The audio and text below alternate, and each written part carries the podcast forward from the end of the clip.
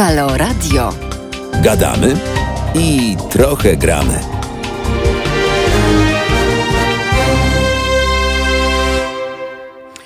Dzień dobry, jest 17, piąteczek, piątunio. Oczywiście znowu zapomniałam wyłączyć dźwięku w komputerze. Nazywam się Beata Kawka i przed wami, drodzy Państwo, rozmowy bardzo osobiste z wyłączonym moim komputerem.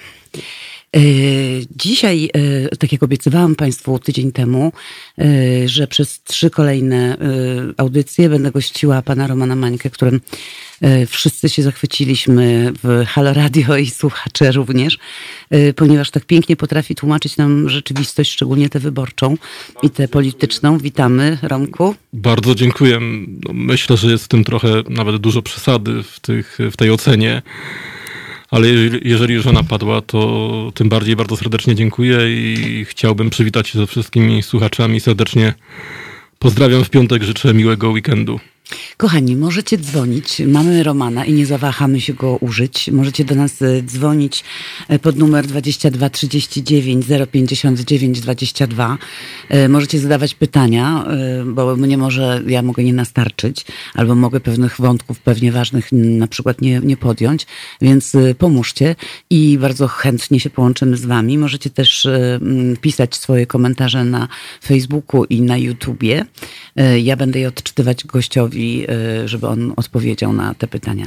Dobrze, Ramku, to zaczynamy drugą rundę, y, drugie starcie z wyborami.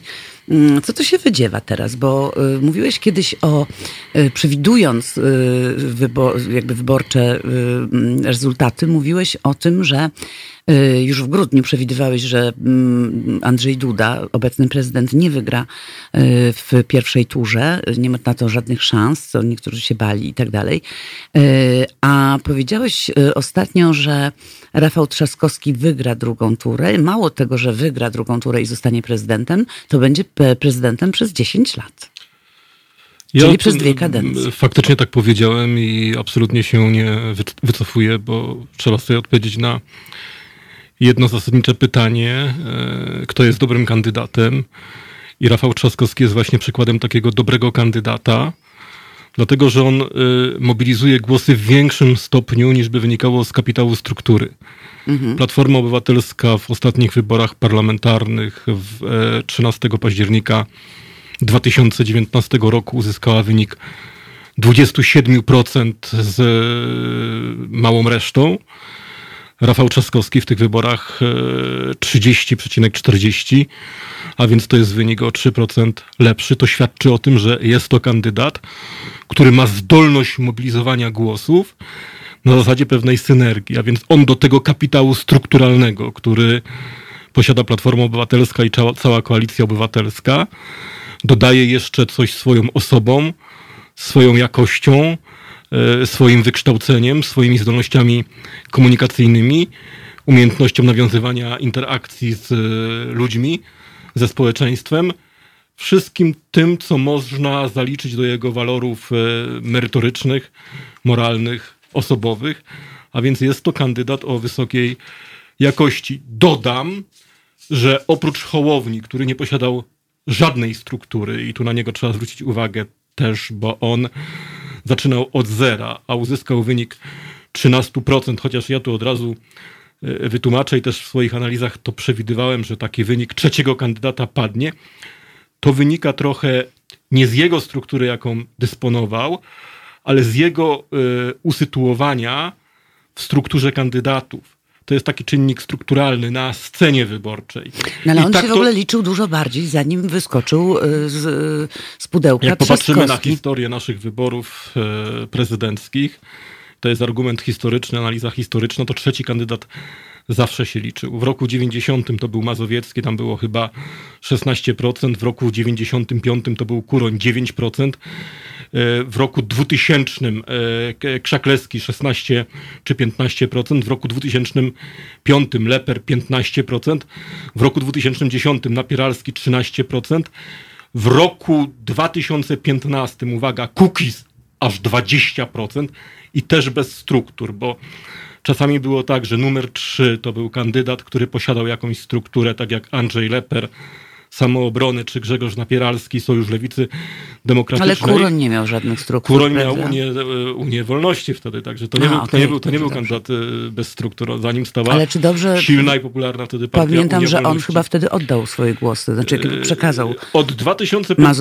Do 2015 roku była taka zasada, że to trzecie miejsce zajmował kandydat, który jakąś formułę polityczną reprezentował e, i też uzyskiwał dobry wynik. Natomiast od 2015 roku nastąpiła pewna zmiana i ja ją zauważam. Jest to kandydat obywatelski. Takim kandydatem był wówczas e, Kukiz, który uzyskał 20%, a więc więcej niż Hołownia. I takim kandydatem jest w tej chwili e, Hołownia, który uzyskał prawie 14%. A więc oprócz Hołowni tylko Rafał Trzaskowski był kandydatem, który spowodował efekt synergii, który uzyskał więcej głosów, niż by wynikało z kapitału poparcia, jakim dysponowała formacja, która mhm. go wystawiła. I tutaj jeszcze y, pociągnę tą analizę dalej. Często się mówi, że y, prezydent Andrzej Duda to jest dobry kandydat. Ja polemizuję z tą tezą. Andrzej Duda jest złym kandydatem, dlatego że on i w roku 2015 miał gorszy wynik niż by wynikało ze struktury prawa i sprawiedliwości, z poparcia, jakim dysponował PiS, i obecnie miał nieco gorszy wynik. Mówimy o procentach, nie o liczbach bezwzględnych, niż Prawo i Sprawiedliwość w roku 2019, a więc mobilizował głosy gorzej niż jego partia. Y, jeżeli chodzi o Władysława Kosiniaka-Kamysza czy Roberta Biedronia, to oni mieli znacznie gorsze wyniki niż struktura, którą reprezentowali. Y, zaś Krzysztof Bosak był mniej więcej na tym samym poziomie. Atut właśnie i walor Rafała Trzaskowskiego to jest to, że on potrafi rozszerzyć elektorat własnej formuły. Zrobił to już w pierwszej turze.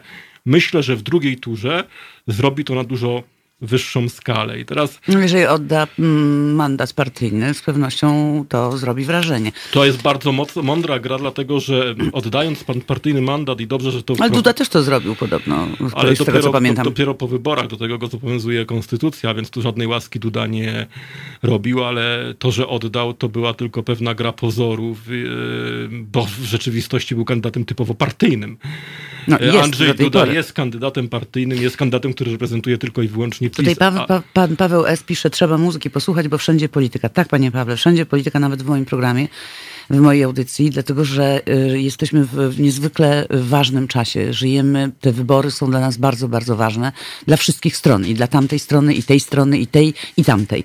Y, jest pytanie, y, i dlatego będziemy jeszcze mówić o tym w, przyszłym, w przyszłej audycji. Panie Romanie, jak ta sprawa pedofilska wpłynie na wyniki wyborów? Ja myślę, że w odwrotny sposób niż by autorzy wprowadzenia tego tematu do debaty publicznej zakładali. A co zakładali właśnie? Bo ja nie rozumiem tego. Ich celem było to, co mówiłem ostatnio, a więc taki, takie podejście e, typowo użytecznościowe, racjonalne, a więc próba uzyskania korzyści z napiętnowania środowiska LGBT, próba stworzenia podziału, e, nagonki i dehumanizacji tej grupy. Natomiast to się e, absolutnie nie udało. E, to wyszło w trakcie wyborów do Europarlamentu, ale wtedy, to, mówiłem o tym ostatnio, były trochę inne uwarunkowania strukturalne, gdyż koalicja europejska była niespójna, była źle zbudowana. E, tam był PSL, który nie pasował do tej formacji. I w wyborach do Europarlamentu głosy ludowe, głosy wsi, głosy PSL-u nie przełożyły się na koalicję europejską. Gdyby zamiast PSL-u był ruch Biedronia, wynik koalicji europejskiej byłby zupełnie inny, byłby wyższy. No, ponieważ ta struktura była niespójna, y, poszczególne jej elementy nie pasowały do siebie, to nie uzyskała dobrego wyniku i w związku z tym łatwiej było przeprowadzić taką, taki atak kulturowy na grupę LGBT i odstraszyć wyborców ludowych, wyborców konserwatywnych, wyborców wiejskich od koalicji europejskiej. Wtedy to się udało. A teraz to już nie działa, prawda? Teraz to nie działa, dlatego że Rafał Trzaskowski jest innym kandydatem, jest na to odporny, on nie jest na to wrażliwy. To nie zawsze się uda. Czasami politykom wydaje się, że ten sam numer uda się w różnych sytuacjach, w różnych czasach, w różnych momentach. To nie jest prawda. To w dużej mierze zależy od tego, jakie mamy konteksty, jakie mamy e, warunki, jaki mamy czas, jak wygląda debata publiczna. Ja opowiem taką anegdotę, która bierze się ze strukturalizmu. Otóż e, znany jest przypadek. To, to jest zupełnie inny temat, ale on pokazuje pewną analogię. E, wiemy, że w Anglii, w Wielkiej Brytanii świetnie, znakomicie działał kapitalizm i e, niejaki przedsiębiorca, pan Peel, postanowił na, do kolonii angielskich przewieźć wszystkie elementy, które tworzyły strukturę kapitalizmu, a więc kapitał, środki produkcji, pieniądze, był tak zapobiegliwy, że zabrał nawet y, pracowników do Nowej Holandii, żeby tam w tym, na tych kolonialnych terenach prowadzić interesy, żeby tam działał kapitalizm. Okazuje się, że tam kapitalizm nie zadziałał, mimo że wszystkie elementy zostały przeniesione, dlatego że struktura to nie tylko elementy, ale to także relacje, połączenia, odniesienia. I często właśnie to stanowi o tym, że coś zadziała, że coś jest, jakby to powiedział Platon, eidos, że coś jest istotą. Tam tego nie było i dlatego to nie, nie zadziałało. Inny był kontekst. Problemem było to, że żeby działał, tu mówię, że odeszłem trochę daleko, żeby kapitalizm działał, potrzebne są odpowiednie relacje społeczne, i potrzebna jest pewna sytuacja społeczna. Ludzie muszą się w pewnej sytuacji znajdować, żeby to zadziałało. W innej sytuacji, gdy są pola uprawne do dyspozycji, tak jak było w Nowej Holandii, gdy można korzystać z innych naturalnych zasobów, ludzie mają możliwość wyboru, mają możliwość egzystencji w oparciu o inne elementy i to nie działa. I tak samo jest w polityce, że czasami pewien mechanizm, pewien wariant, e, pewien trik, pewną taktykę, pewną strategię próbuje się przenosić z jednych wyborów do drugich, z jednej kampanii do drugiej, a to nie działa. Eksperci od wojskowości mówią e, na opisanie takich e, sytuacji, że generałowie prowadzą zawsze poprzednią wojnę. I ja mam wrażenie, że Prawo i Sprawiedliwość próbuje wygrać tą samą taktyką, która była realizowana w poprzednich wyborach, w poprzednich bitwach, w poprzednich wojnach a ona po prostu do tych wyborów nie pasuje. Ja mam Wybory wrażenie, że, to, że to jest takie równe wszystko. Jeden mówi, drugi mówi yy, i jakby dlatego cię pytałam przed programem, czy w ogóle coś może się jeszcze wydarzyć yy, takiego, czy oni będą po prostu yy, tacy zachowawczy, jeden i drugi, bo czy nie wyjmą jakiegoś dziadka z Wehrmachtu albo innej jakiejś, no raczej trans, Trzaskowski jest transparentny. W związku z tym nic się pewnie nie da na niego, żadnego haka znaleźć. Ja, ja tutaj nie podzielam, ogóle... ja nie podzielam tego zdania. Czyli PiS w tym momencie już prowadzi określone działania i widzimy, że e, po pierwsze... Agresywne działania. Andrzej Duda zaostrza swoją retorykę bardzo wyraźnie i próbuje zaostrzyć podział e, miasto-wieś, e, napuszcza społeczność małych miast, prowincji, wsi na miasta. To widzieliśmy w trakcie... Wczoraj, jak mówił o Krakówku, o Warszawce. Tak, tak, to, to właśnie są te... Z, takim, z, tak, z taką pogardą, to straszne. Ale jest jeszcze, są jeszcze inne elementy i to by świadczyło o tym, że sztab PiSu dysponuje badaniami, z których wynika, że Andrzej Duda przegrywa drugą turę, dlatego że tam widać e, kilka zjawisk. Po pierwsze, widać drugie duże zainteresowanie wśród osób, które wypowiadają się w imieniu PiSu, które reprezentują PiS, czy to w sztabie wyborczym, czy to w ramach partii, czy to w środowisku publicystycznym. Tam ujawnia się niepewność, duże e, zdenerwowanie. Po drugie, to o czym mówiliśmy przed chwilą, że e, Andrzej Duda wyraźnie zaostrza retorykę, używa coraz bardziej E, agresywnego mm, języka. Chce w ten sposób e, podwyższyć e, temperaturę i zmobilizować swoją przestrzeń wyborczą, szczególnie prowincje, małe miasta, wieś, aby na niego głosowała.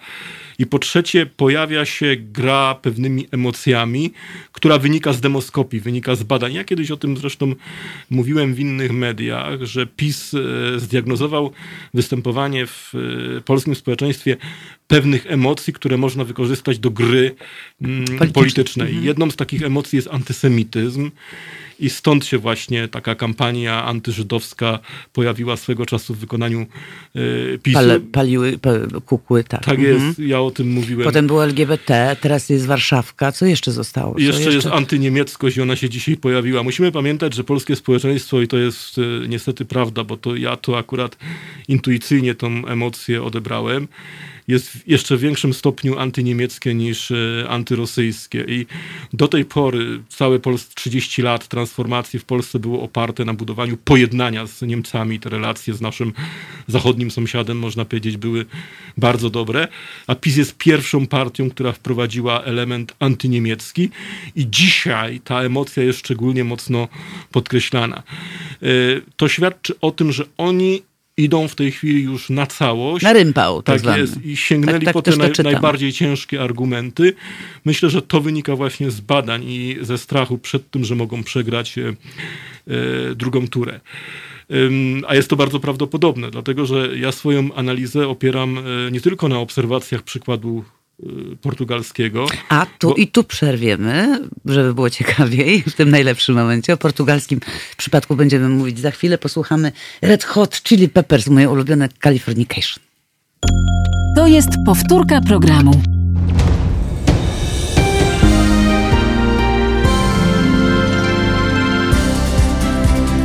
Halo Radio. Pierwsze radio z wizją.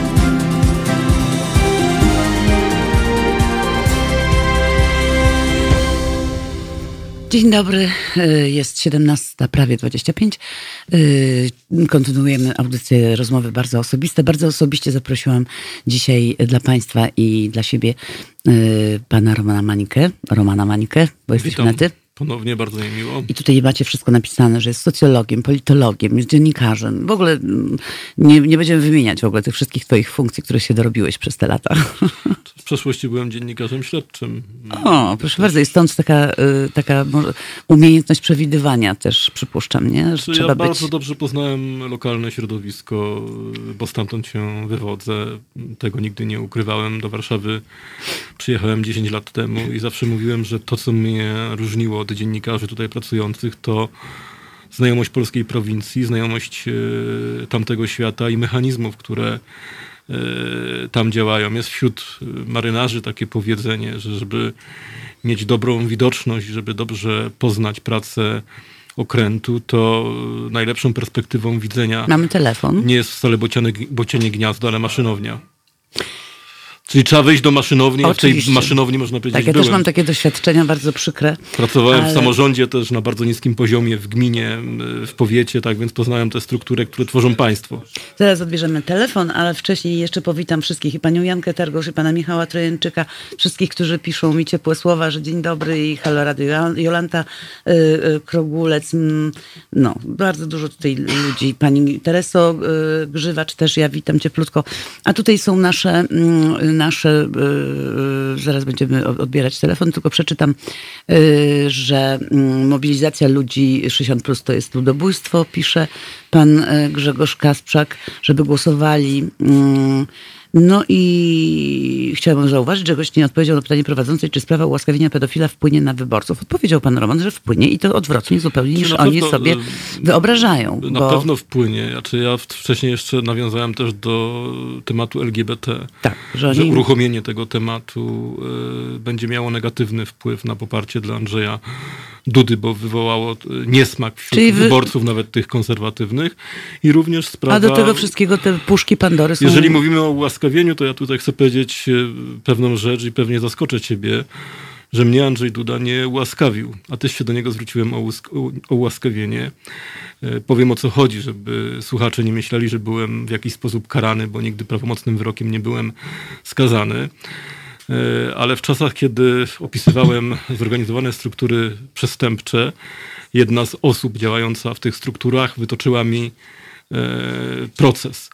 E, później byłem ciężko chory na pęknięcie tętniaka aorty piersiowej. Miałem 2% na przeżycie. Udało mi się z tego wyjść.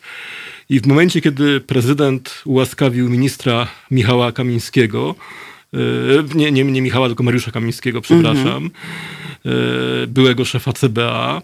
E, dowiedziałem się z ust e, prezydenckiego ministra Andrzeja Dery, że ułaskawił go dlatego, iż tego aktu można dokonać na każdym etapie postępowania.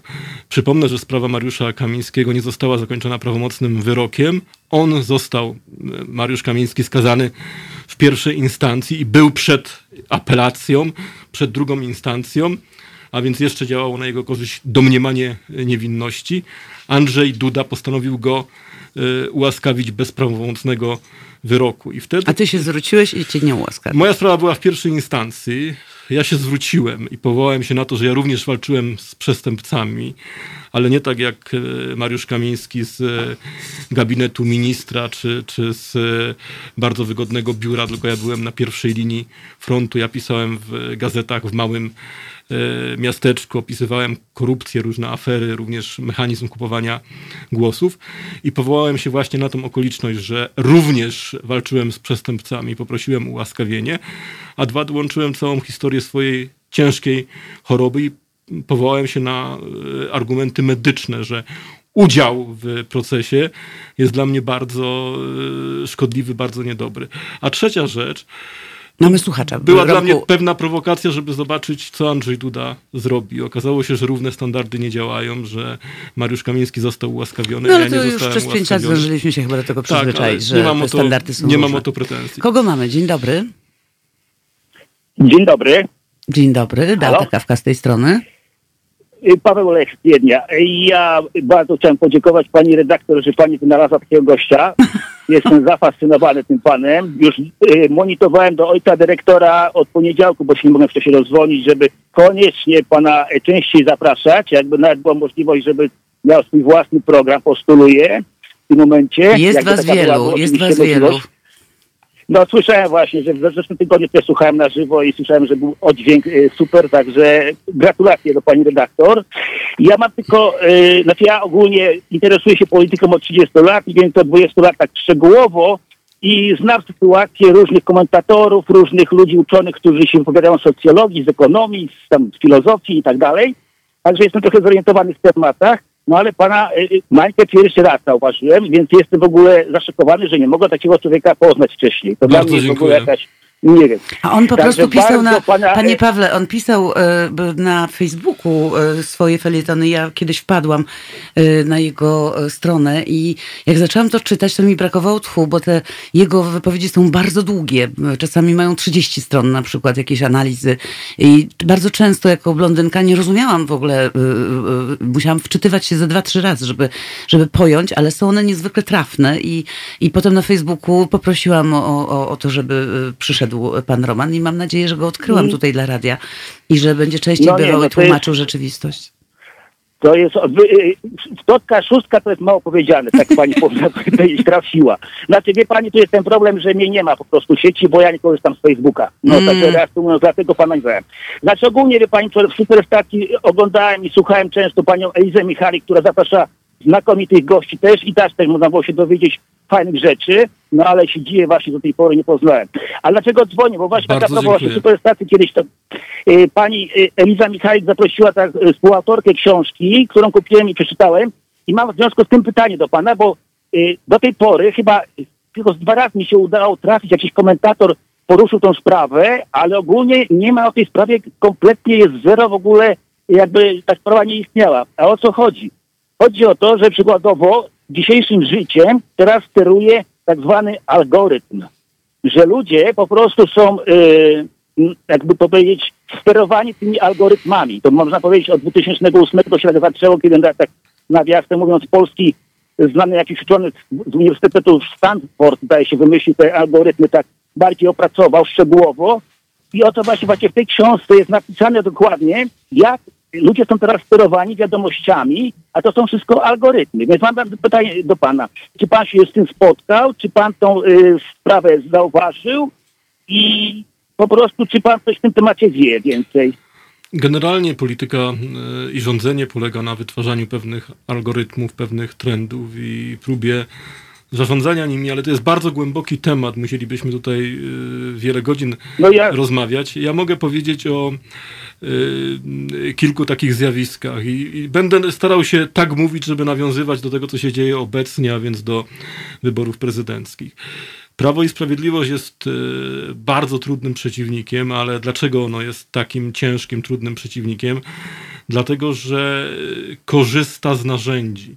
Hanna Arendt zawsze powtarzała, że y, dobre rządy, dobra władza jest oparta na działaniu, a zła władza jest oparta na narzędziach politycznych. Natomiast narzędzia, bo to, co Pan mówi o tych algorytmach, to są właśnie te narzędzia, których się używa do sprawowania władzy, do mm, rządzenia. I narzędzia są tak naprawdę e, przemocą. Musimy zdawać sobie sprawę z ewolucji, jaka się dokonała. E, Ale te narzędzia to mówisz też to, że oni badają, że oni wnikliwie badają. To jest między innymi demoskopia, ale to jest nie tylko. Ja za chwilę powiem o czym innym. Na przykład PiS zatrudnia ludzi w spółkach Skarbu Państwa, kolonizuje e, instytucje, zatrudnia w ministerstwach, e, w departamentach, w urzędach e, wojewódzkich, wszędzie, gdzie może. I często się dopisuje do tego taką narrację, że jest to nepotyzm, że robi to po to, aby po, według klucza rodzinnego, koleżeńskiego czy przyjacielskiego obsadzać. Oczywiście ten element też występuje, ale chodzi o coś innego. Chodzi o to, co się nazywa w politologii kratokracją. A więc kratokracja to jest taki system, e, w którym władza koncentruje się na obsługiwaniu samej siebie. I drugi element, e, dużo bardziej niebezpieczny, to tworzy się taka sytuacja w ramach właśnie tych relacji kratokratycznych, kratokracji, że nawet w warunkach demokratycznych trudno jest z daną władzą wygrać, gdyż powstaje tak duża liczba beneficjentów, że nie można, nawet w przypadku, kiedy działa demokracja, kiedy nie ma oszustw wyborczych, z tą władzą wygrać. I to się nazywa jeszcze inaczej klientelistyczną siecią korzyści, a więc tworzy się taką sieć klientelistyczną tych wszystkich działaczy, którzy wspierają daną władzę, wytwarzają... Ale mówiło się, że Platforma robiła to samo. Ona robiła to samo, tylko tutaj jest, jest pewna różnica. Platforma miała jednak pewne hamulce. Oczywiście robiła. Ja tu też mógłbym Platformę krytykować i to robiłem w momencie, kiedy Platforma rządziła. Y, Wiele krytycznych publikacji y, napisałem. W mediach również się wtedy wypowiadałem, bo byłem za, zapraszany do mediów i krytykowałem Platformę Obywatelską. Mechanizm był ten sam, ale inna była skala. Można powiedzieć, że Prawo i Sprawiedliwość przekroczyło wszelką skalę. I co jest jeszcze gorsze? Otóż kratokrację i y, klientelistyczną sieć korzyści diagnozowali naukowcy powiązani z Prawem i Sprawiedliwością, a więc profesor Szczerski, nawet miał napisać książkę o kratokracji, i profesor Andrzej Szybertowicz. To są obecni doradcy prezydenta, którzy diagnozowali tą sytuację bardzo krytycznie w czasach, kiedy rządziła Platforma Obywatelska. Okazało się, że kiedy PiS doszedł do władzy, to przejęli te same mechanizmy, tyle tylko, że zwiększyli jeszcze ich e, skalę. I to jest jak gdyby jeden element, z którego władza korzysta, więc tworzenie takiej sieci korzyści, która powoduje, że trudno jest z taką strukturą, z taką władzą wygrać. Mogę Po, tak powiedzieć kolokwialnie, że po prostu wszędzie mają wtyczki. tak, po pierwsze dlatego, Mamy że... kolejnego słuchacza, więc y, skorzystajmy. Dzień dobry. Halo, halo, Halo? Słyszymy się. Dzień dobry. Dzień dobry pani Beato. Niech pan wyłączy radio. Wyłączyłem, O, wyłączyłem. To już nic nie wyłączony. Dzień dobry. Z kim mamy przyjemność? Pani Beato, już witam panią i pana Romana. Witam serdecznie. Pani Beato, czy ja mogę tak krótko, ja mam pytanie do pana Romana. Pytanie. Bardzo proszę. Tak kró... Pani Bardzo Beato, proszę. Tak Nawet długo. kró... Pani Beato, tak krótko może się przedstawię, króciutko, żebyście wiedzieli, z kim macie do czynienia, dobrze? Tak. Tak? Mogę? Słuchamy, Króciutko. oczywiście.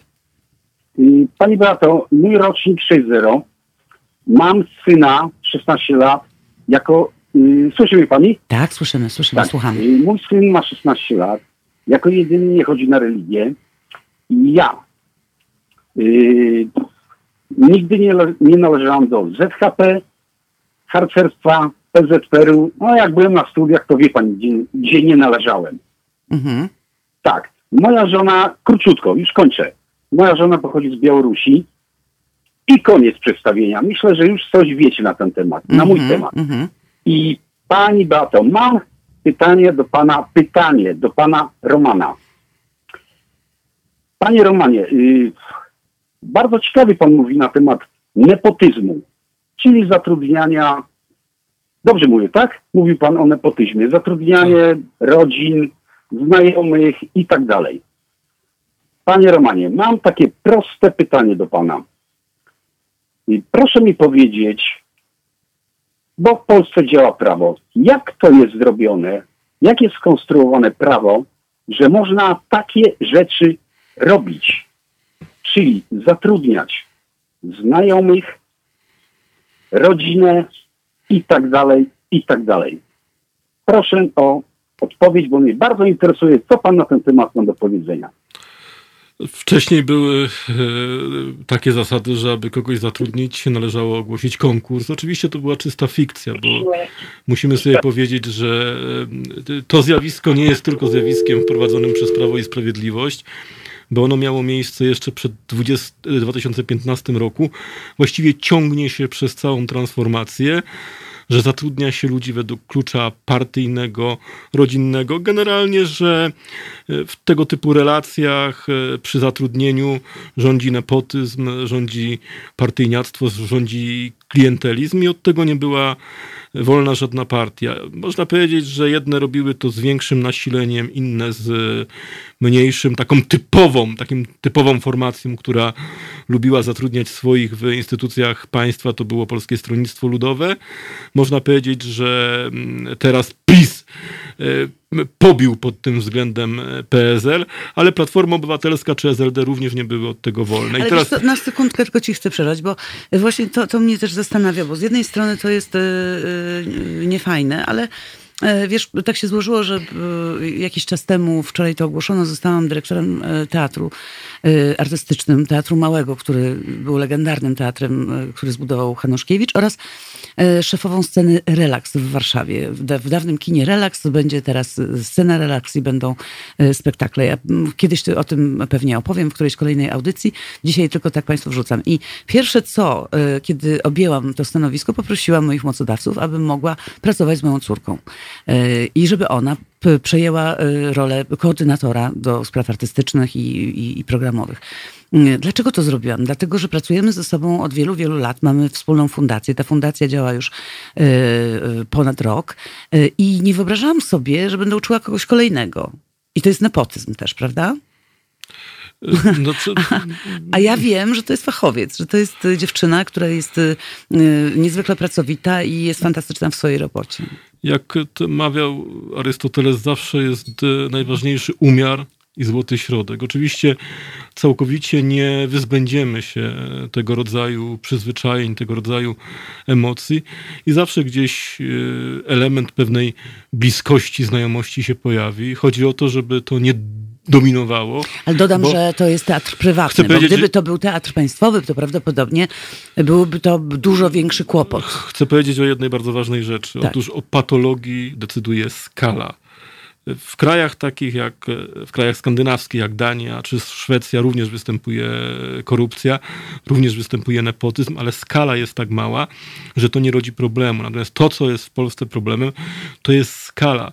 Właściwie u nas nie ma stanowisk, e, nie ma e, zatrudniania, angażowania ludzi do pracy bez tego typu klientelistycznych, e, często rodzinnych, nepotycznych relacji. I to jest problem, że skala tego jest ogromna. I teraz.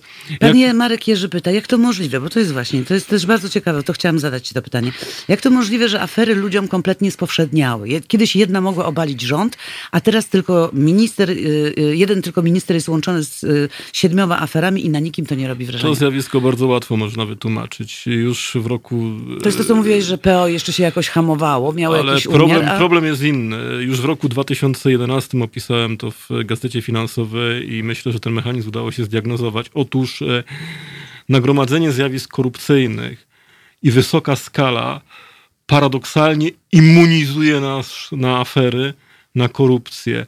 Po przekroczeniu pewnej granicy my się stajemy na to odporni. My nie jesteśmy wrażliwi. Nas to nie dziwi. Podam taki inny przykład, że była e, analogia.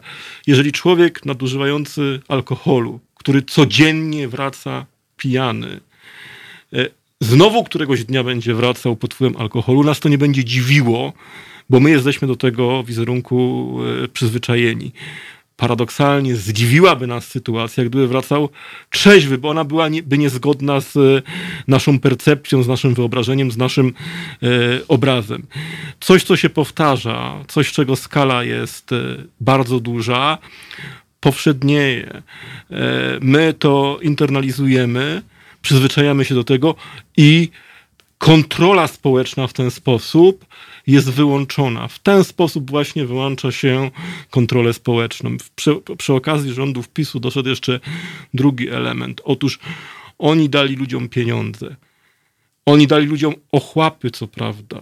500 zł, 300 zł, ale dali te pieniądze, żeby ich afery były odbierane bardziej miękko, żeby ludzie przeciwko temu nie reagowali. To jest właśnie to dzielenie się. Ja pamiętam taką analogię, mogę opowiedzieć, taką historię, która miała miejsce w jednej z jednostek OSP, gdzie e, członkowie tej jednostki, strażacy, narzekali na prezesa, że prezes kradnie, że prezes e, wchodzi w jakieś relacje korupcyjne a jednocześnie byli niekonsekwentni, bo co cztery lata wybierali go ponownie na stanowisko prezesa. Ja któregoś dnia im powiedziałem, no skoro wam się prezes nie podoba, to możecie go zmienić. Zbliża się walne zebranie, możecie sobie go zmienić na innego prezesa. I wtedy jeden z, z członków tej straży odpowiedział mi w taki e, sposób. E, Kowalski kradnie, ale przynajmniej przywiezie skrzynkę wódki i konserwy. A tamci kradli, i nic nie dali, prawda? I to jest właśnie to rozumowanie. To, co widzimy w wykonaniu PiSu, to jest identyczny mechanizm. Są afery, opisywała je swego czasu e, Bianka Mikołajewska. E, wszyscy mieliśmy, e, widzieliśmy aferę szefaniku Banasia, powiązania z jakimiś strukturami gangsterskimi, prowadzenie pokojów na godziny. E, natomiast każda ta afera uchodzi Prawo i Sprawiedliwość na sucho. I są dwie przyczyny, które powodują, że tak się dzieje. Po pierwsze, myślę, żeśmy do afer niestety przyzwyczaili. Afery były za czasów SLD, afery były za czasów Platformy Obywatelskiej i już wtedy e, pojawił się ten problem immunizowania społeczeństwa na afery, a więc kontrola społeczna została przygłuszona, została e, wyłączona i afery są w czasach Prawa i Sprawiedliwości. Z tym, że PiS, co jest ważne, świadome i to pokazuje właśnie to korzystanie z algorytmów, z e, mechanizmów, z narzędzi politycznych, PiS postanowił wyłączyć kontrolę społeczną jeszcze w inny, bardzo sprytny sposób, dając właśnie ludziom pieniądze. Bo musimy sobie odpowiedzieć na jedno... No pani Marzanna pisze, kto sobie wyobraża 300 milionów pożyczonych, w cudzysłowie, E, z Ministerstwa Zdrowia, a ośmiorniczki za 800 zł. No, no właśnie, no to jest to, jest to, to, jest to że ta skala jest nieporównywalna, ale musimy e, uświadomić sobie jedną e, ważną rzecz, że celem programu 500 plus nie, nie, nie, nie było wzrost urodzeń.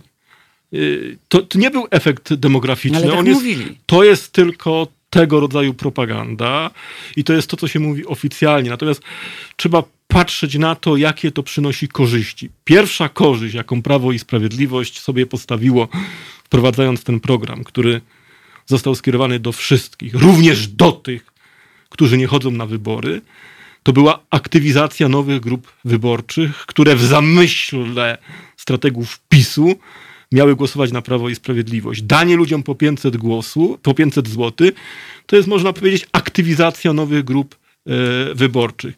I drugi element to było wyciszenie, wyłączenie kontroli społecznej. Jeżeli się ludziom daje pieniądze, to w zamian uzyskuje się aprobatę, przyzwolenie na afery, na wchodzenie w afery. Dzisiaj dziennikarze mówią, że PiS jest teflonowy, że słyszymy o kolejnych aferach polityków PiSu, a poparcie nie spada.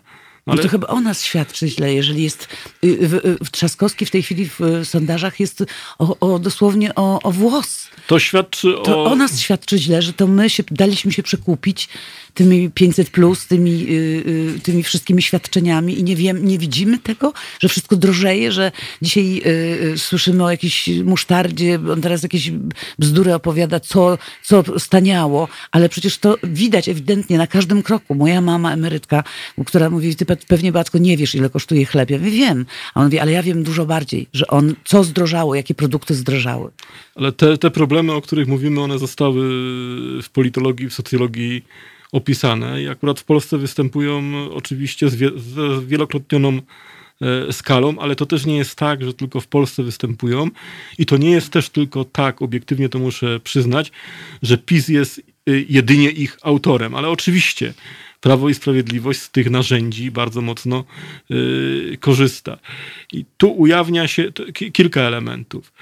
Y, y, Robert Putnam, taki amerykański y, filozof polityki, y, pokazał moment, w którym psuje się demokracja.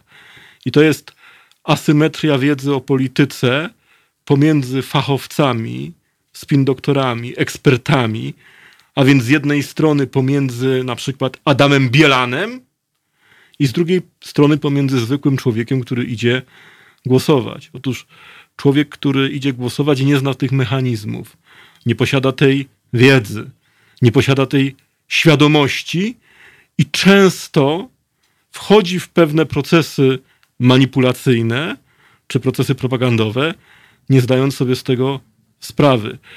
Z kolei francuski filozof Michel Foucault mówił o asymetrii widzenia. Stworzył nawet e, neologizm e, wiedza, władza. Wiedza, władza dzisiaj oparta jest na wiedzy, ale tu nie chodzi o taką wiedzę powszechnie rozumianą, tylko generalnie o wiedzy o nas, o wiedzy o społeczeństwie. Przewagą władzy dzisiaj jest to, że posiada wiedzę o ludziach, wiedzie, wiedzę o społeczeństwie. My często zachwycamy się internetem, zachwycamy się komputerami, I możliwościami. możliwościami, jakie te A urządzenia nam dają. skwapliwie korzystają. Zachwycamy się telefonami komórkowymi, czerpiemy informacje, ale nie zdajemy sobie z tego sprawy, że za pomocą tych narzędzi władza czerpie informacje o nas i później te informacje wykorzystuje na użytek polityki. Polityka stała się niehumanistyczna czy niehumanitarna, dlatego że trend jest ważniejszy od człowieka. I to jest Preferencja. I to jest jest ważniejsza od człowieka. Dzisiaj podejrzewam, że kiedy Bielan rozmawia e, z członkami swojego sztabu, ale żeby znów być obiektywnym, nie zawężałbym tylko, tego tylko i wyłącznie do Prawa i Sprawiedliwości, bo w innych partiach jest podobnie. Kwestia dotyczy tylko tego, ile środków mają na uruchomienie danych procedur czy danych narzędzi. No ale e, pozostańmy przy tym e, nieszczęsnym Adamie Bielanie. Kiedy Bielan rozmawia ze swoimi sztabowcami, to on nie rozmawia o ludziach, tylko o trendach. On nie rozmawia o wyborcach, tylko o preferencjach, a więc ten strukturalny element stał się ważniejszy od człowieka, stał się ważniejszy od ludzi. I tu degeneruje się polityka. Tu właśnie zepsuła się demokracja, że człowiek nie jest ważny, tylko ważna jest tendencja, Trend, ważny jest trend, ważna jest e, preferencja. To jest e, e, taki politolog amerykański John Rawls, twórca teorii sprawiedliwości, poddał bardzo silnej krytyce utylitaryzm, bo to zaczęło się od racjonalizmu, tylko ze źle pojętego. I od źle pojętego utylitaryzmu. Coś jest racjonalne w sensie takim, że wiedza dana, wiedza o ludziach w tym przypadku, może nam przynieść korzyści. Coś jest użyteczne, bo może nam pomóc w zdobyciu władzy. I teraz dochodzimy do jednej bardzo ważnej rzeczy, o której pisał z kolei inny filozof polityki, popularny w Polsce, Iwan Krastew. On postawił taką jedną bardzo ważną diagnozę. Przejrzystość jest zagrożeniem. Bo jeżeli polityka jest przejrzysta, a politycy o tym wiedzą, to to orientuje ich na nastawienie, na działania populistyczne.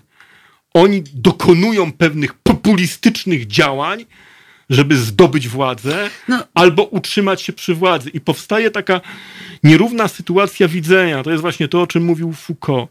Asymetria widzenia, że z jednej strony jesteśmy przejrzyści dla władzy i władza wie o nas wszystko, robi badania, czerpie informacje i dopasowuje do tego swoje działania. To jest e, To jest- populizm. tak. A z drugiej strony my mamy wrażenie, że wiemy wszystko o władzy, a to jest nieprawda. Dlatego, że władza przed nami odgrywa teatr. Tak, Politycy to, to, i wiedzą. ci, którzy intuicyjnie czują politykę tak jak ja, doskonale to wiedzą. Dobra, posłuchajmy teraz Stinga, Fields of God i wrócimy do rozmowy niezwykle ciekawej. Słuchajcie powtórki programu. Halo Radio.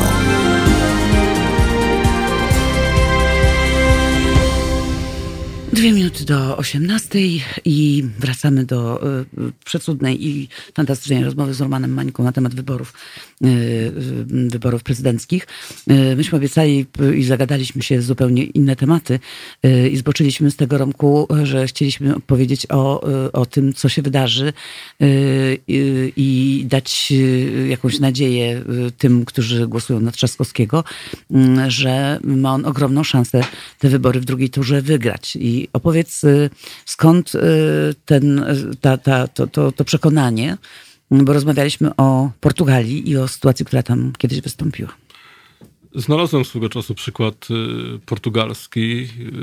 Zresztą ja o tym bardzo często pisałem na Facebooku. To był 1986 rok. Y, Wybory w Portugalii, żeby tutaj być y, precyzyjnym, są bardzo podobne jak w Polsce. Również odbywają się w dwóch turach i również potrzebne jest 50%, aby zostać prezydentem. I w pierwszej turze kandydat e, prawicowo-ludowy Diogo Freitas do Amaral uzyskał 46% głosów, a drugi w kolejności socjalista Mario Soares niecałe 26%. I wydawało się, że e, wyniki wyborów są e, rozstrzygnięte. Zauważę, że przewaga e, Diogo Freitasa do Amarala e, była większa, znacznie większa niż przewaga Andrzeja Dudy obecnie nad Rafałem Trzaskowskim. I właściwie publicyści portugalscy, obserwatorzy, komentatorzy twierdzili, że tu już nie będzie mm, żadnego cudu, że wybory są rozstrzygnięte, Diogo Freitas do Amaral wygrał. I okazało się, że Mario Soares odrobił ponad 25% i uzyskał 51%, został prezydentem, a więc zniwelował w drugiej turze tą przewagę, którą miał do Amaral. Natomiast prawicowy kandydat do Amaral powiększył swoje poparcie z pierwszej tury jedynie o nieco ponad 2%. Tam ostatecznie miał chyba 28%. No właśnie, a co to jest pokazuje, że tego? wszystko jest. y, przyczyny były dwie. Y, niska zdolność y, mobilizacji elektoratu ponad tą własną żelazną populację wyborczą, a więc To sytuacja. oznacza, że Duda, mając w tej chwili te 40 i tam 6, tak? Wszystkie to on jest moje- w stanie y, jeszcze te 2 czy 3% przekonać, ale już nie przekona tych, y, którzy są wyborcami Trzaskowskiego, nie ma, Hołowni. nie ma czegoś takiego jak Andrzej Duda. Poparcie, którym dysponuje prezydent Duda, to jest poparcie partyjne, poparcie PiSu, nawet trochę mniejsze, jak popatrzymy na wyniki, niż Mhm, poparcie PiSu.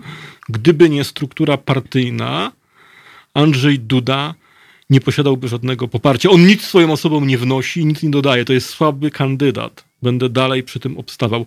To był dobry kandydat pięć lat temu na drugą turę bo w pierwszej również słabiej mobilizował głosy niż inni politycy PiSu, na przykład Kaczyński czy Szydło. A więc obalmy mit Andrzeja Dudy jako dobrego kandydata. To nie jest dobry kandydat. Jego siła wynika z poparcia struktury partyjnej Prawa i Sprawiedliwości i z poparcia instytucji władzy. No tak, on Instytut- cały czas jakby podaje y, osiągnięcia rządu jakie swoje, jako swoje osiągnięcia. Cały tak rząd, naprawdę. wszystkie instytucje też na niego pracują. Stąd się bierze jego druga? siła. Druga? Ale wszystkie moje, wszystkie moje analizy pokazują, że problemy zaczynają się powyżej granicy 45%. Otóż PiSowi jest bardzo trudno pozyskiwać nowych wyborców ponad granicą 45% poparcia.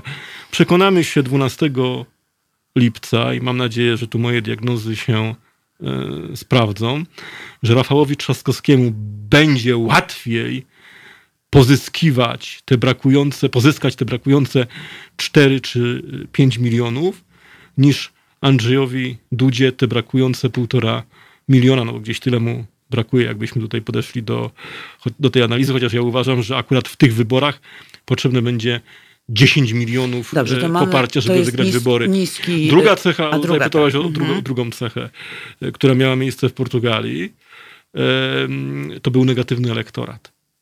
To zjawisko występowało. Co to znaczy negatywny elektorat? E, wyborcy, którzy głosują przeciwko. Wyborcy, którzy głosują na nie. W, Pol w Portugalii mieliśmy sytuację, że wielu wyborców zagłosowałoby również e, przeciwko Mario Soaresowi, nie było do niego e, przekonane.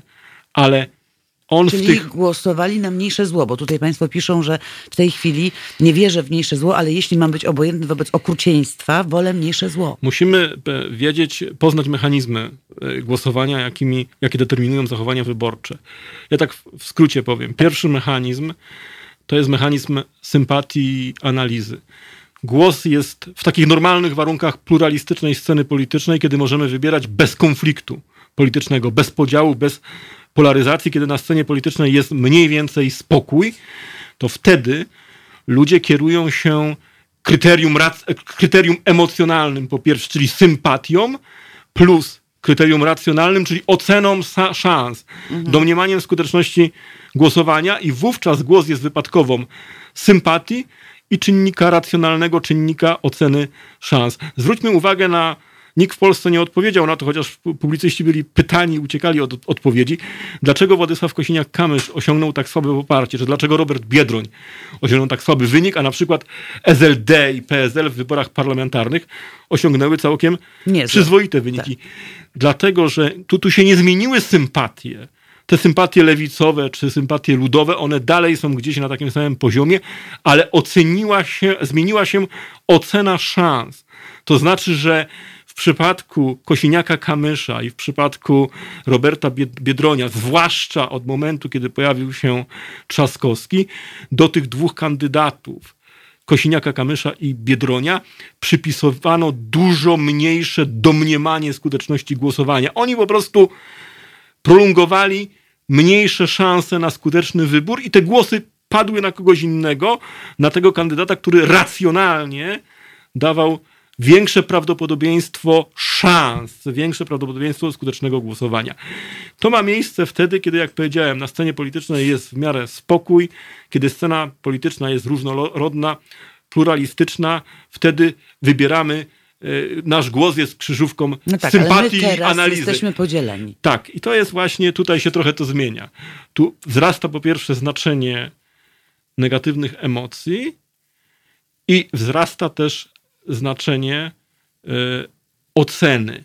Jeżeli w tych warunkach y, różnorodności pluralistycznej, tego, tego spokoju, o którym mówiłem, wybieramy tą opcję, tą partię albo tego kandydata, z tych, który ma największe szanse, z grupy, których lubimy. Prawda? Więc tego, który ma największe szanse z tych, których lubimy, to w przypadku podziału głosujemy na zasadzie pewnej awersji, a więc głosujemy przeciwko. Metaforą tego głosowania jest tama albo wał przeciwpowodziowy. Chcemy powstrzymać kogoś. Chcemy nie dopuścić kogoś do władzy, albo inaczej.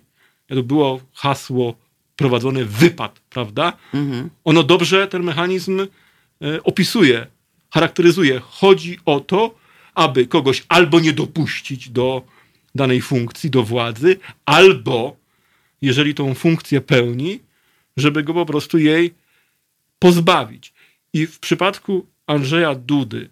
To nie jest tak, od razu to chcę e, wyjaśnić, że wyborcy Biedronia czy Hołowni, czy Kosiniaka Kamysza, że cała ta populacja wyborcza, wszystkie te grupy wyborcze zagłosują na Trzaskowskiego z wielkim przekonaniem.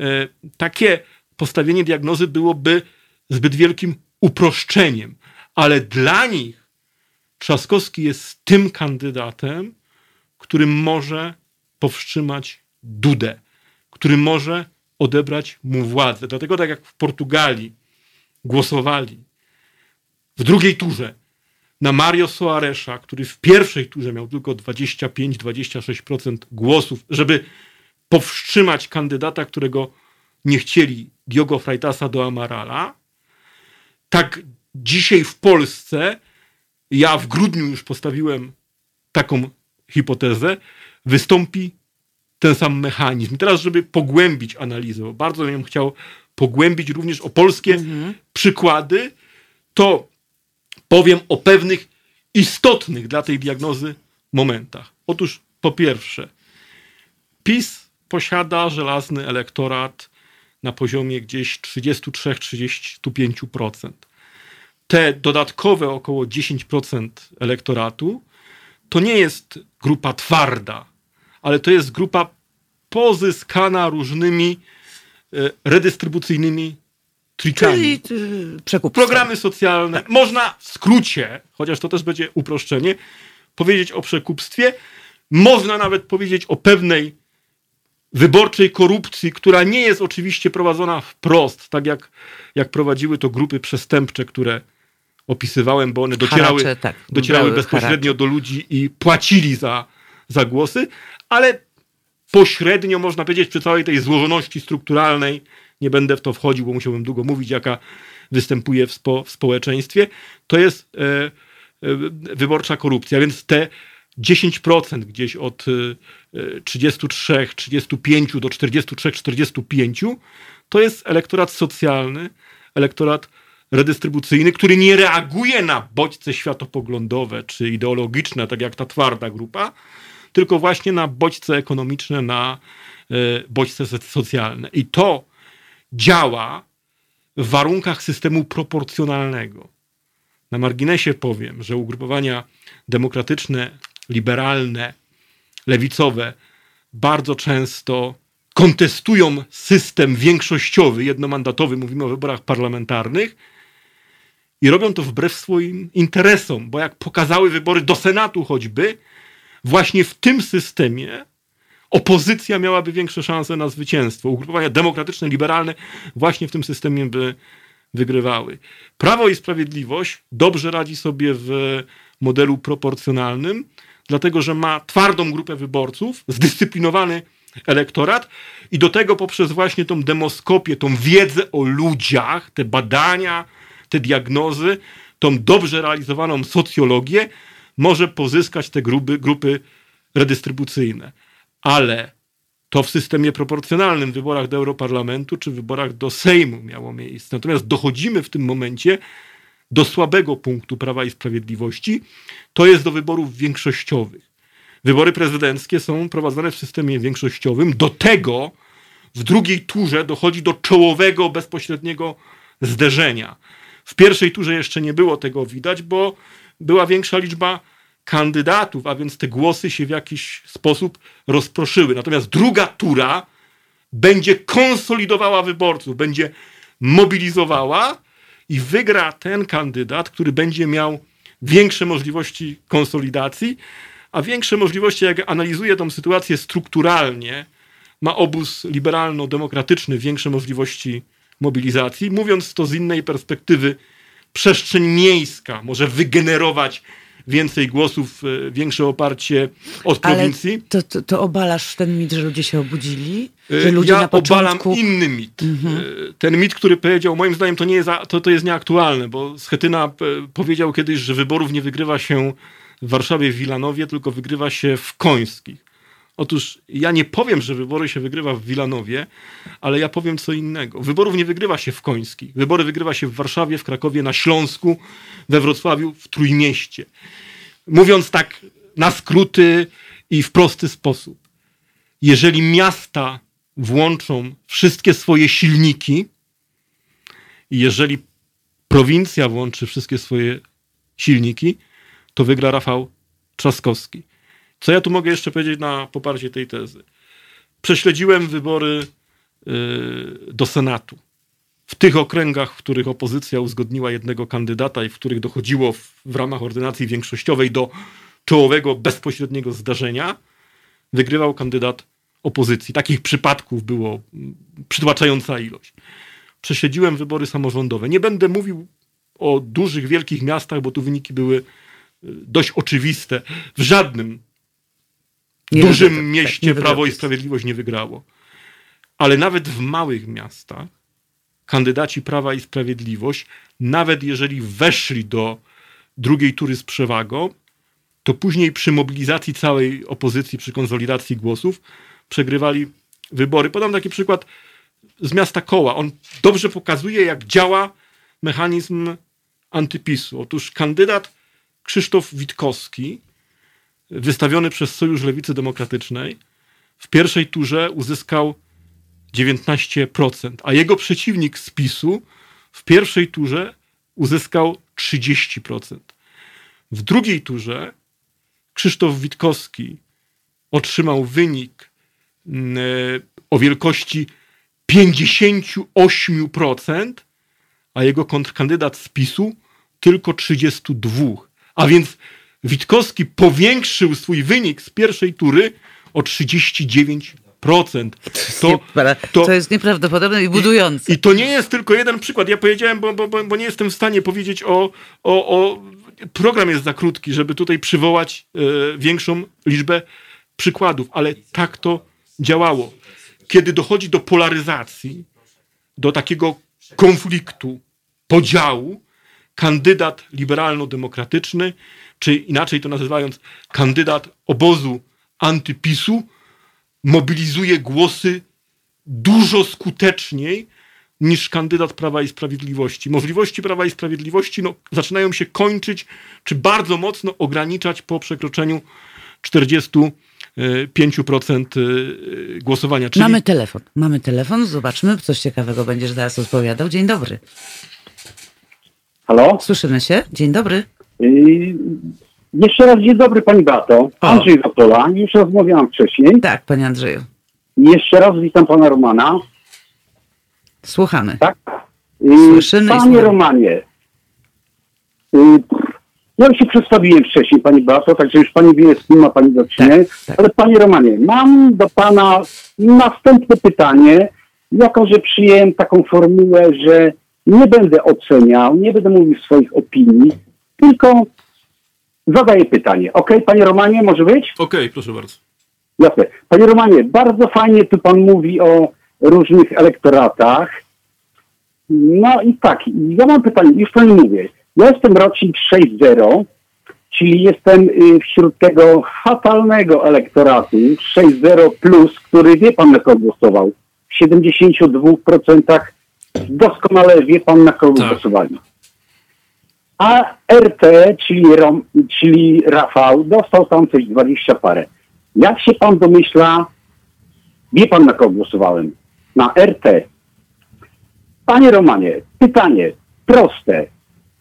Proszę jakoś tak spróbować słuchaczom odpowiedzieć, y, jak to się dzieje, że moi koledzy tego rocznika, no bo mam kolegów takich, tak właśnie głosują.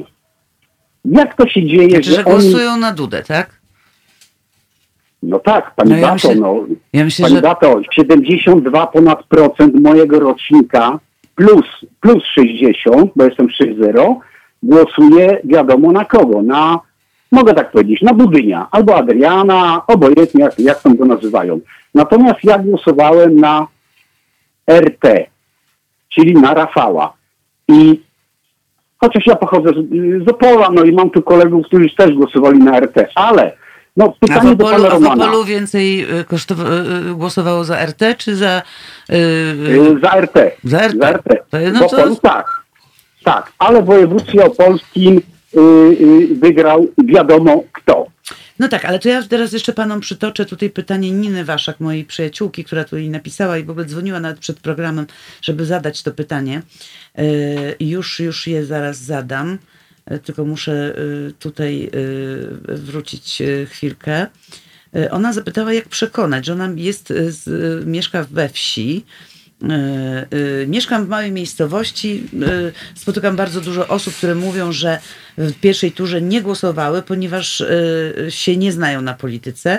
Mówią, że w drugiej turze też nie będą głosować. Można takie osoby jakoś przekonać? Jak pan myśli? Jak przekonać? Też pytała ludzi, którzy są tak bardzo przekonani do, y, do y, głosowania na Andrzeja Dudę i do tej, tej, tej prawicowej polityki. Czy w ogóle się da? Bo to bardzo często jest grochem o ścianę. Zawsze można przekonać. I ja myślę, że tutaj są duże możliwości przekonania. Ja nawet dzisiaj miałem rozmowę z yy, fryzjerką mm, i wydaje mi się, że przekonałem ją, chociaż oczywiście jest anonimowość, anonimowość głosowania i nie wiem, jak będzie głosowała, yy, dość prostym argumentem. Tak? Yy, mm, pochodzącym z Biblii. Przypomnijmy sobie historię Józefa, kiedy faraon miał sen o siedmiu krowach tłustych i siedmiu krowach e, chudych. Ja tej historii w całości nie będę e, opowiadał, ale finał był taki, że wezwano Józefa i zapytano go o wymowę tego snu, o interpretację. Józef powiedział tak: Siedem krów tłustych to są lata bogate, w których właśnie znajduje się Egipt. Natomiast krowy chude to są lata, które nadchodzą. Faraon, faraon się na to go pyta: To co w takim razie mamy robić? Józef odpowiada: Oszczędzać zboże, magazynować zboże w czasie tłustych lat, aby zabezpieczyć się na nadejście lat chudych. My to w Polsce żeśmy już przerabiali w czasach PRL-u. To w jakim momencie Nie tak teraz dawno. jesteśmy? Jesteśmy w latach Jesteśmy w momencie na początku lat 70., kiedy zadłużał się Gierek, tylko być może jest jeszcze gorzej. Otóż, otóż Prawo i Sprawiedliwość przehulało cały wzrost, na Który który, wypracowało PO. który nie tylko PO, No, trzeba, lata. trzeba tu Tak, powiedzieć tak, tak, tak. obiektywnie, uczciwie muszę powiedzieć, że również Sojusz Lewicy Demokratycznej nie prowadził jakiejś księżycowej polityki, tylko politykę wzrostu gospodarczego. Również Polskie Stronnictwo Ludowe, które partycypowało w e, rządach z SLD i również Unia Demokratyczna, Unia Wolności, Akcja Wyborcza Solidarność, która wprowadziła cztery reformy. A więc e, przez cały okres transformacji, przez 30 lat, wypracowywano wzrost gospodarczy. I przyszła partia, która powiedziała: dość. Nie będziemy oszczędzać, nie Rozdamy. będziemy trzymać pieniędzy na trudne czasy, Bo nie mamy już żadnych, żadnych rezerw. na dekoniunkturę, Mhm. tylko rozdamy pieniądze ludziom. Oni tych pieniędzy nie rozdali e, z taką motywacją, żeby ludzie mieli dobrze. Oczywiście ludzie na, to, na tym jakoś skorzystali, ja temu nie przeczę, ale oni wydali te pieniądze, żeby utrzymać się przy władzy, żeby zwiększyć swoją populację wyborczą. Inaczej mówiąc, żeby kupić wyborców, żeby kupić głosy, a więc to był ich polityczny, Ale odpowiadając panu Andrzejowi, rocznik cel. 60. I, i, I, ja zaraz odpowiem panu. tak. Zaraz, zaraz panu odpowiem, ale to jeszcze pani chce odpowiedzieć. nie, Trzeba, pani- tu, y, trzeba, trzeba tu, znaczy na, naszej słuchaczce. Tak. Trzeba tłumaczyć to w ten sposób, że za. Ja napisałem nie tak dalej, y, nie tak, nie tak dawno na Facebooku i to jest całe clue sytuacji. Nie jest, Halo, nie, jest, nie jest prawdą, że PiS wydaje pieniądze nasze. PiS rozdaje pieniądze naszych dzieci. PiS kradnie nam przyszłość. Następne pokolenia za tą politykę zapłacą, a myślę, że skutki odczu- od, odczujemy już niedługo, kiedy przyjdzie dekoniunktura. Dlatego, że zawsze jest tak, iż koniunktura jest najlepszym momentem do reform gospodarczych, a więc do tworzenia warunków, kapitału, potencjału jeszcze większego wzrostu. Natomiast e, trzeba też przygotowywać się na czas recesji, na czas kryzysu, na czas dekoniunktury i my w ogóle nie jesteśmy przygotowani. Jeżeli sytuacja gospodarcza się pogorszy, jeżeli przyjdzie dekoniunktura, to wszyscy za to zapłacimy. A Ale ta... my zapłacimy zaraz już. Nawet jeżeli tak, Trzaskowski za... wygra te wybory, to teraz ktoś będzie musiał to posprzątać. My zapłacimy już, natomiast następne pokolenia będą płaciły w inny sposób, bo tu dokonało się przesunięcie wieku emerytalnego. I to jest bardzo wygodne i dla ludzi bardzo przyjemne, że mogą wcześniej e, wybierać się na emeryturę. Tylko nie wiadomo, czy ktoś im ją Natomiast wypłaci. to powoduje, że w tym systemie jest e, coraz mniej funduszy na przyszłe emerytury. Biorąc jeszcze pod uwagę nasze ujemne tendencje demograficzne, to my znajdziemy się w sytuacji, że po pierwsze nam będzie groziło wynarodowienie, bo jeszcze nie osiągnęliśmy tego pułapu, który by e, powodował, że nie będziemy zagrożeni demograficznie. A druga rzecz, nie starczy pieniędzy na to, żeby wypłacać emerytury. ZUS może zbankrutować i PiS prowadzi gospodarczo bardzo nieodpowiedzialną, socjalistyczną politykę. Teraz odpowiadając panu, to tutaj można bardzo prosto odpowiedzieć, bo to są wszystko elementy powiązane. Otóż głosują e, pański rocznik to, to, to, to, to, to, są to jest pokolenie, to są grupy ludzi, które jeszcze żyły w PRL-u. I to wiąże się z pewną nostalgią, z pewnym sentymentem do tamtego modelu państwa, więc państwa opiekuńczego, państwa socjalnego, państwa, które daje, państwa, które tworzy takie wrażenie pozorne, że opiekuje się Ale tam to oby, państwo po obywatele. prostu zbankrutowało przecież. Ale PiS do niego, ale PiS do niego nawiązał. Mhm. To, to, to jest nieprawdopodobna sytuacja, że partia, która określa się jako prawicowa, e, zagrała na sentymentach socjalistycznych, sentymentach, które pochodzą z PRL-u. W Polsce zawsze była tęsknota do opiekuńczego państwa, do państwa etatystycznego. Panie to, Romanie, ZUS jest już bankrutem. No i co w związku tak, to, z tym? To, to, jeszcze, to jeszcze wiązało się z, z, z, z inną sytuacją, bo musimy wiedzieć o dwóch takich tęsknotach, które pochodzą z PRL-u. Pierwsza tęsknota dotyczy silnego państwa. Ludzie nie, nie rozumieją decentralizacji, bo to jest rzeczywistość zbyt bardzo zniuansowana i wolą myśleć w kategoriach silnego państwa, autorytetu silnego przywódcy. Takim państwem był PRL. Tam władza była scentralizowana i była dobrze zdefiniowana. Wiadomo było, w jakich ośrodkach jest władza i kto ją personalnie reprezentuje. I PiS do tego nawiązał. PiS również stworzył silną władzę. Pozory silnego państwa, bo to państwo jest tylko pozornie silne, ale w percepcji społecznej wydaje się, że to jest państwo silne i są bardzo dobrze zdefiniowane centra, ośrodki, które tą władzę stanowią. I to była jedna tęsknota. Wy, wychodząca z PRL-u i to, jest je, i to jest jeden z tych elementów, które powoduje, że ludzie głosują właśnie na PiS, a drugi element to jest opiekuńczość państwa. To są wszystkie te prezenty socjalne, które ludzie otrzymali. Co tak, ciekawe. Ale tutaj pan pisze, że wystarczy policzyć ilość podatków nowych, jaki wprowadził PiS i nikt mądry nie, nie zagłosuje na te partie. Rzeczywiście te Oczywiście. podatki, tylko że co, te podatki są jakby przytłaczane tymi prezentami, tak. żebyśmy, żeby lud ciemny kupił. To jest policzone. Oni to mhm. policzyli. Mhm. Y, oni policzyli, ile jest im potrzeba, okay. kogo należy pozyskać, komu trzeba dać, żeby osiągnąć dobry wynik. Dali 500 plus y, każdemu. Każdy je otrzymuje. Nawet rodziny bardzo bogate, które nie zauważą tych 500 e, złotych w swoim budżecie. Tak to pokazuje, że skierowano to e, masowo do wszystkich. Tak samo jest z emerytami, z tą słynną 13 emeryturą, ze wszystkimi innymi świadczeniami. To zostało policzone na użytek polityczny, aby pozyskać wyborców. To, to, to, to była ta determinanta, która powodowała, że oni to wprowadzili. Oczywiście to jest populizm czystej postaci, ale tu następuje pewien polityczny podział. Na młodych ludzi to nie działa. Młodzi ludzie nawet tych prezentów, dlatego ja twierdzę, że Konfederacja nie zagłosuje na Andrzeja Dudę, tylko na Rafała Trzaskowskiego, dlatego że elektorat Konfederacji, wbrew temu, co się mówi, to jest elektorat świadomy. Mhm. Ludzie popierający Konfederację, co by nie powiedzieć o ich poglądach. Mi te poglądy światopoglądowe, e, ideologiczne absolutnie nie odpowiadają, ale to są ludzie wykształceni, to są ludzie, którzy wiedzą, co popierają i potrafią to uzasadniać, potrafią na argumenty dyskutować.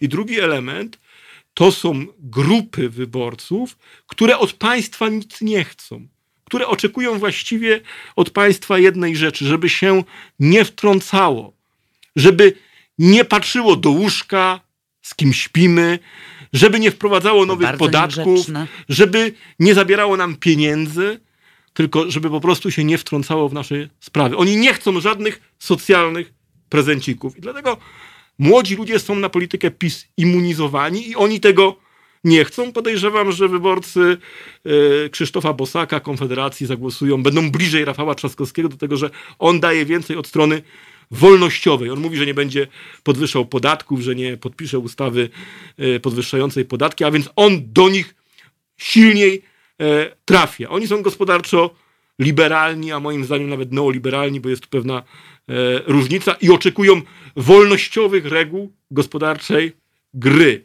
Natomiast ta grupa 60, plus, o której Pan mówił, to jest populacja, która długi czas swojego życia, dość znaczny czas swojego życia, e, no, można powiedzieć, że 30 prawie lat spędziła w PRL-u i przesiąknęła pewnymi regułami, pewnymi e, procedurami, nastąpiła pewna rytualizacja i w związku z tym ci ludzie są wrażliwi na pewne nostalgie, na pewne emocje, które wychodzą z PRL-u, na pewne mechanizmy i przede wszystkim na element, czynnik opiekuńczości, czynnik pewnych impulsów, bodźców socjalnych, za pomocą których można tych ludzi pozyskać, Kupić. i, o, kupić i Kupić. oni też tęsknią do silnej władzy. Jest bardzo ciekawe, ale gdyby zrobił badania, to się okazuje, że ludzie, którzy y, w PRL-u wspierali tamten system i nie buntowali się przeciwko niemu wcale tak bardzo otwarcie, popierają dzisiaj e, Prawo i Sprawiedliwość. Jak spojrzymy na przykład na mapę Polski, to miejsca, gdzie kiedyś bardzo dobre wyniki uzyskiwał Sojusz Lewicy Demokratycznej, dzisiaj w tych miejscach, szczególnie to widzimy na mapie starych województw, dzisiaj w tych miejscach bardzo dobre wyniki uzyskuje Prawo i Sprawiedliwość. Nastąpiło pewne przełożenie, to się, to się pokrywa, te mapy się pokrywają. Mapa poparcia resentymentalnej partii Sojuszu Lewicy Demokratycznej, która kiedyś w latach 90. była silna, pokrywa się z mapą poparcia Prawa i Sprawiedliwości. Dlatego, I że na tym zawieśmy. Mamy King of My Castle i po chwili wrócimy po muzyce. To jest powtórka programu.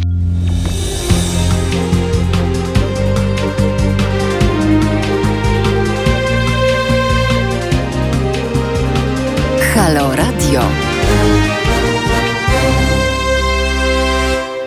Halo Radio, ja się nazywam Beata Kawka, nasza audycja, rozmowy bardzo osobiste. Dzisiaj naszymi, pań- moim i Państwa gościem jest Roman Mańka.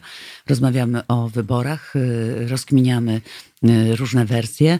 Bardzo Wam dziękuję za wszystkie komentarze. Są niezwykle emocjonalne. Romek, poczytasz sobie, jak wrócisz do domu, ale tu y, piszą y, Państwo, y, że mm, śledzę prawicowy internet i widzę, że prawicowcy są bardzo świadomi, interesują się gospodarką, sprawami zagranicznymi i obronnością i widzą, że ile, ile szkód y, PiS narobił. Mm, I może ja bym, ponieważ zostało nam naprawdę kilka minut y, audycji, ja bym zadała Ci, Romek, takie pytanie. Co będzie, jak wygra Trzaskowski i co będzie, jak wygra Duda? Dwie, dwie al- właściwie to jest alternatywa, ale dwie wersje zdarzeń, tak w skrócie. Zacznę od Andrzeja Dudy. Otóż ym, prawdopodobnie, jeżeli dojdzie do reelekcji obecnego prezydenta, to będziemy mieli y, do czynienia z kontynuacją tego, co było dotychczas. Tyle tylko, że jeszcze bardziej intensywnie, z jeszcze większą determinacją, jeszcze y, głębiej. Y, mm, Tutaj od razu wyjaśnię, bo to jest niesamowicie ważne, że filozofia władzy, jednocześnie filozofia obecności w polityce Prawa i Sprawiedliwości nazywa się ciągiem technologicznym. Oni sami o tym mówią. Miałem kiedyś, e, prowadziłem kiedyś wywiad e, z jednym z ekspertów Prawa i Sprawiedliwości, profesorem Andrzejem Zybertowiczem, to on mi właśnie powiedział, że PiS e, myśli w kategoriach filozofii ciągu technologicznego. Co to oznacza? Po pierwsze, centralizacja władzy, a więc niesamorządność, nie to, nie, nie ten kierunek, w którym idzie Europa i nowoczesny świat w kierunku decentralizacji czy samorządności, ale konsolidacja władzy i to Czyli zagarnianie wszystkiego. W takich bardzo partykularnych, w takim bardzo partykularnym, partyjnym e, wydaniu.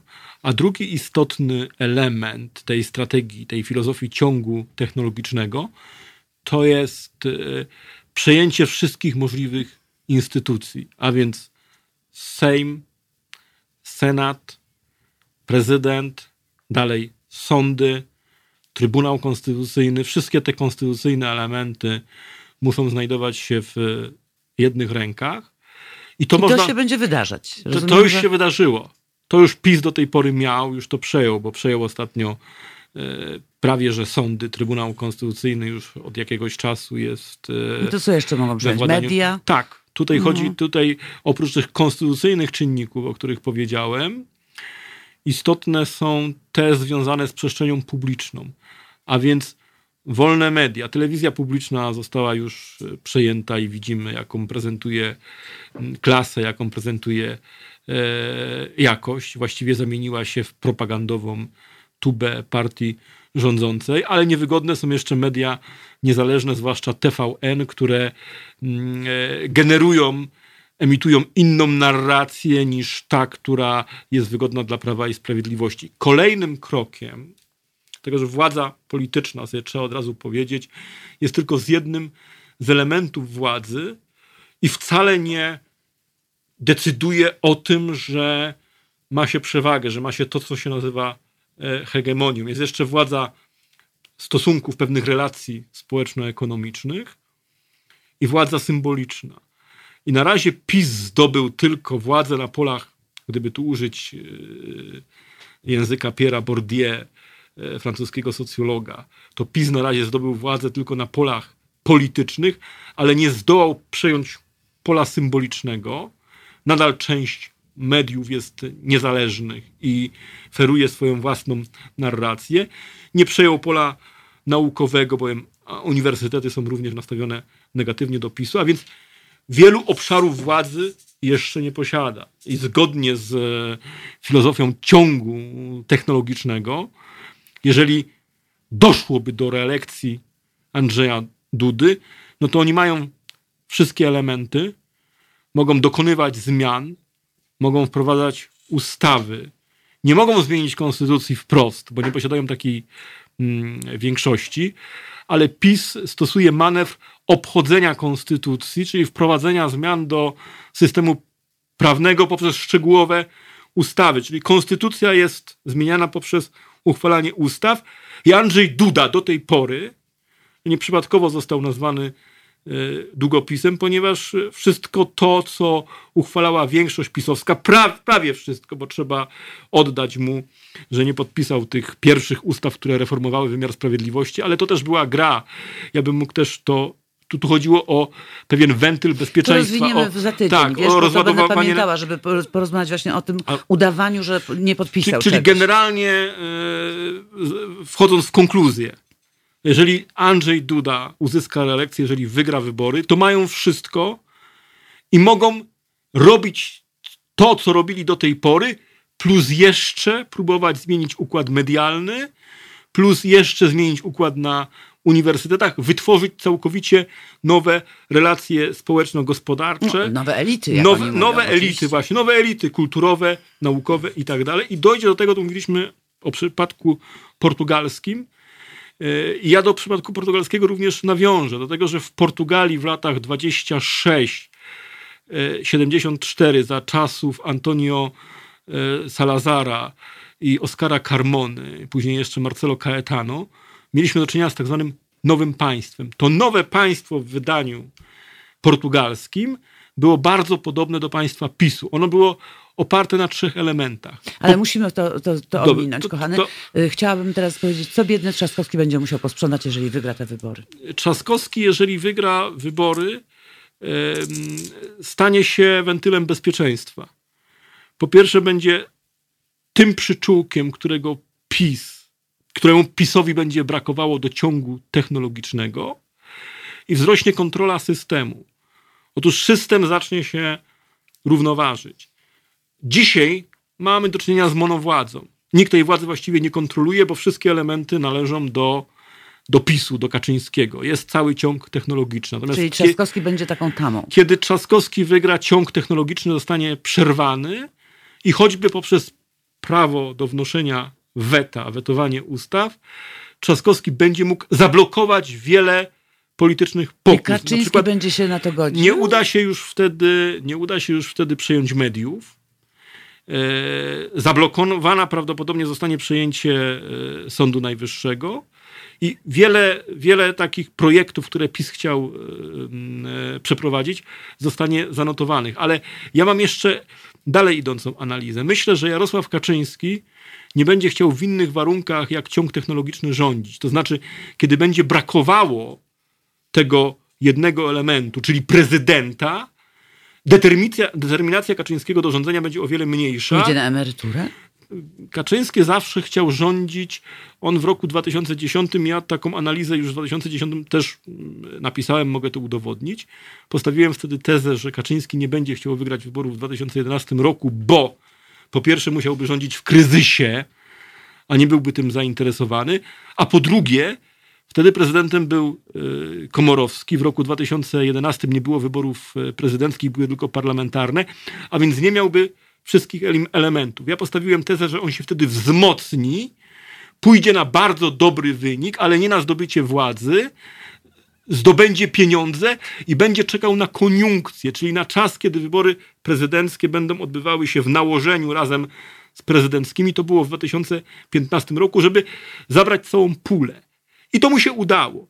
Więc dzisiaj jest szansa na to, żeby Polacy odzyskali wolność, żeby Polacy odzyskali demokrację, żeby Polacy wbili klin do tego ciągu technologicznego, żeby zablokowali Kaczyńskiego. Musimy I też niech zwrócić tak się stanie, Jeszcze tylko jedno już- zdanie, jeżeli tak. mi pozwolisz. Musimy też patrzeć na biologię. Oczywiście ja nikomu nie wypominam wieku, ale czas Kaczyńskiego już się kończy. Nie mówię w sensie biologicznym, życzę mu, żeby żył jak najdłużej, ale w sensie politycznym jego czas już się kończy. I jeżeli przegra te wybory, jeżeli Andrzej Duda nie będzie prezydentem, to tam w PiSie prawdopodobnie dojdzie do zmiany pokoleniowej. Jarosław Kaczyński zostanie odsunięty na emeryturę. To będzie koniec. A więc Bardzo zwycięstwo dziękuję ci. Trzaskowskiego oznacza o wiele więcej Niż niż by nam się by wy- wydawało. Oznacza wielki przełom. Jezu, bardzo Ci dziękuję. Dałeś nam wielką nadzieję, mnie przynajmniej. Yy, Ja dziękuję również Wam wszystkim, yy, którzy towarzyszyliście nam w naszej audycji. Zapraszam za tydzień o 17. Romek przyjdzie Ja również Państwu raz dziękuję. jeszcze. przyjdzie raz jeszcze i jeszcze porozmawiamy, bo to będzie jeszcze Romek przed ciszą wyborcą. jest. wyborczą. Dziękuję, za tydzień się słyszymy. Miłego weekendu. To proste. Żeby robić medium prawdziwie obywatelskie, potrzebujemy Państwa stałego wsparcia finansowego. Szczegóły na naszej stronie www.halo.radio, w mobilnej aplikacji na Androida i iOS-a oraz na koncie Fundacji Obywatelskiej w serwisie www.patronite.pl. Naszym darczyniom i darczyńcom serdecznie dziękujemy. www.halo.radio. Słuchaj na żywo, a potem z podcastów.